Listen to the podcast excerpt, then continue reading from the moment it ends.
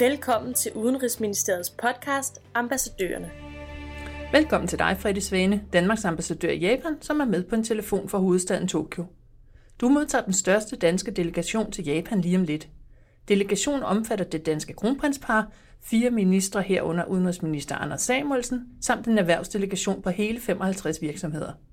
Besøget markerer 150-året for diplomatiske forbindelser mellem Danmark og Japan. Hvad er det mere konkret, vi fejrer?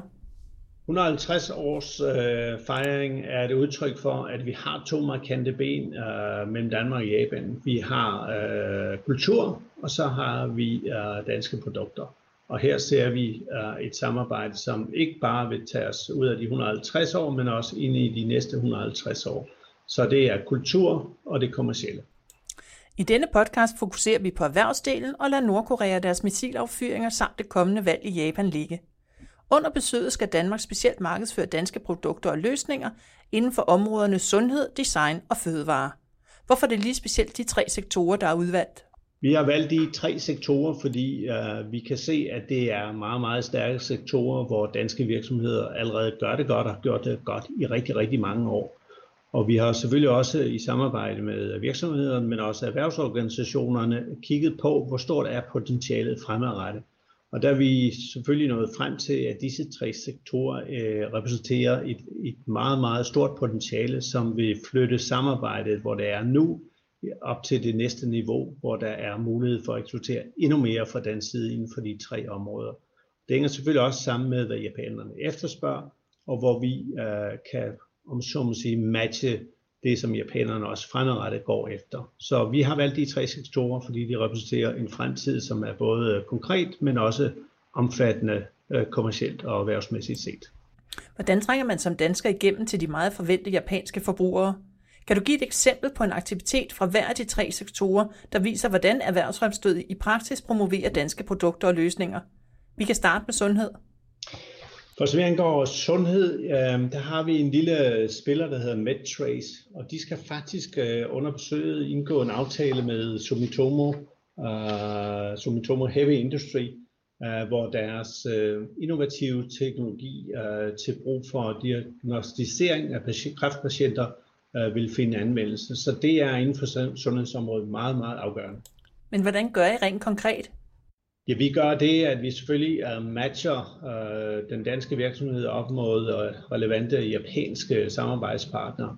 Og der er selvfølgelig gået et stort arbejde forud, og det krones nu ved, at uh, japanerne kan se, at den teknologi, som Medtrace råder over, er af en sådan karakter, at det ikke bare har betydning for det japanske marked, men også globalt. Og inden for design, viser I dansk design frem i en design lounge, eller hvordan gør I?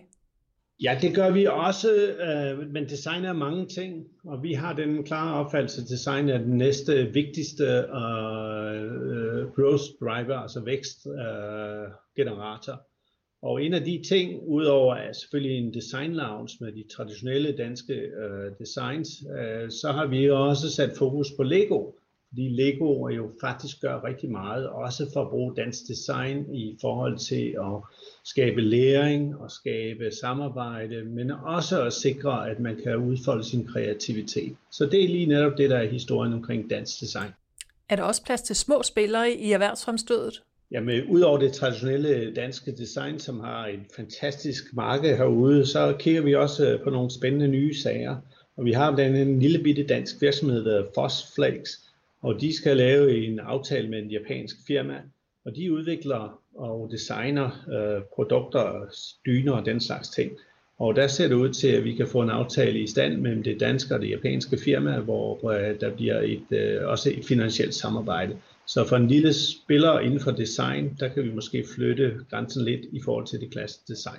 Og så har vi en sektor, der hedder fødevare og landbrug.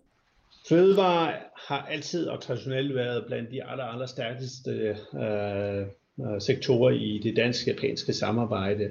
Og vi har jo primært eksporteret svinekød til de kredsende japanske ganer, og det vil vi gerne fortsætte med. Men en af de ting, som vi synes er meget interessant, det er, at vi har en virksomhed, der hedder Sanovo, som leverer teknologi inden for, for øh, ægbranchen, og det bruges til at, og slå æggene i stykker og separere blomme fra hvide. og de vil nu øh, øh, levere et stort anlæg øh, til en af verdens største og en af Japans allerstørste virksomheder inden for fødevarebranchen. Så her ser vi udstyrsleverance, som kan sikre, at øh, japanske forbrugere og den japanske virksomhed fremadrettet har adgang til øh, det ypperste, som Danmark kan levere. Du har tidligere fremhævet det gode forhold mellem Danmark og Japan. Men hvis Japan var på business Tinder, ville de så vælge Danmark? Og hvorfor? Selvfølgelig vil Japan vælge Danmark, men Danmark vil også vælge Japan. Og det er jo det 150 års øh, ægteskab. Og øh, der kan man sige, at alle hjørner er blevet slæbet af. Og øh, vi har så det perfekte match her.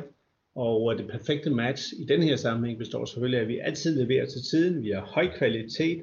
Og øh, vi øh, har også en, en, et land og en kultur og nogle produkter, der kan fortælle en historie. Og japanerne er altid ude efter den rigtige historie og derfor har vi den eventyrlige fortælling.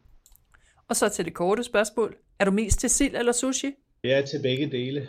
Sild er jo en dansk øh, sådan, hofret, og det betyder, om så må sige, hygge. Sushi, det er jo mere sådan det japanske, hvor man øh, øh, ser på, hvordan tingene bliver lavet, og man nyder det, og det anret er rigtig, rigtig pænt. Så jeg synes, det er den perfekte kombination mellem dansk hygge og japansk kultur en himmerisk mundfuld. Tak til ambassadør i Japan, Freddy Svane, og tak fordi du lyttede med.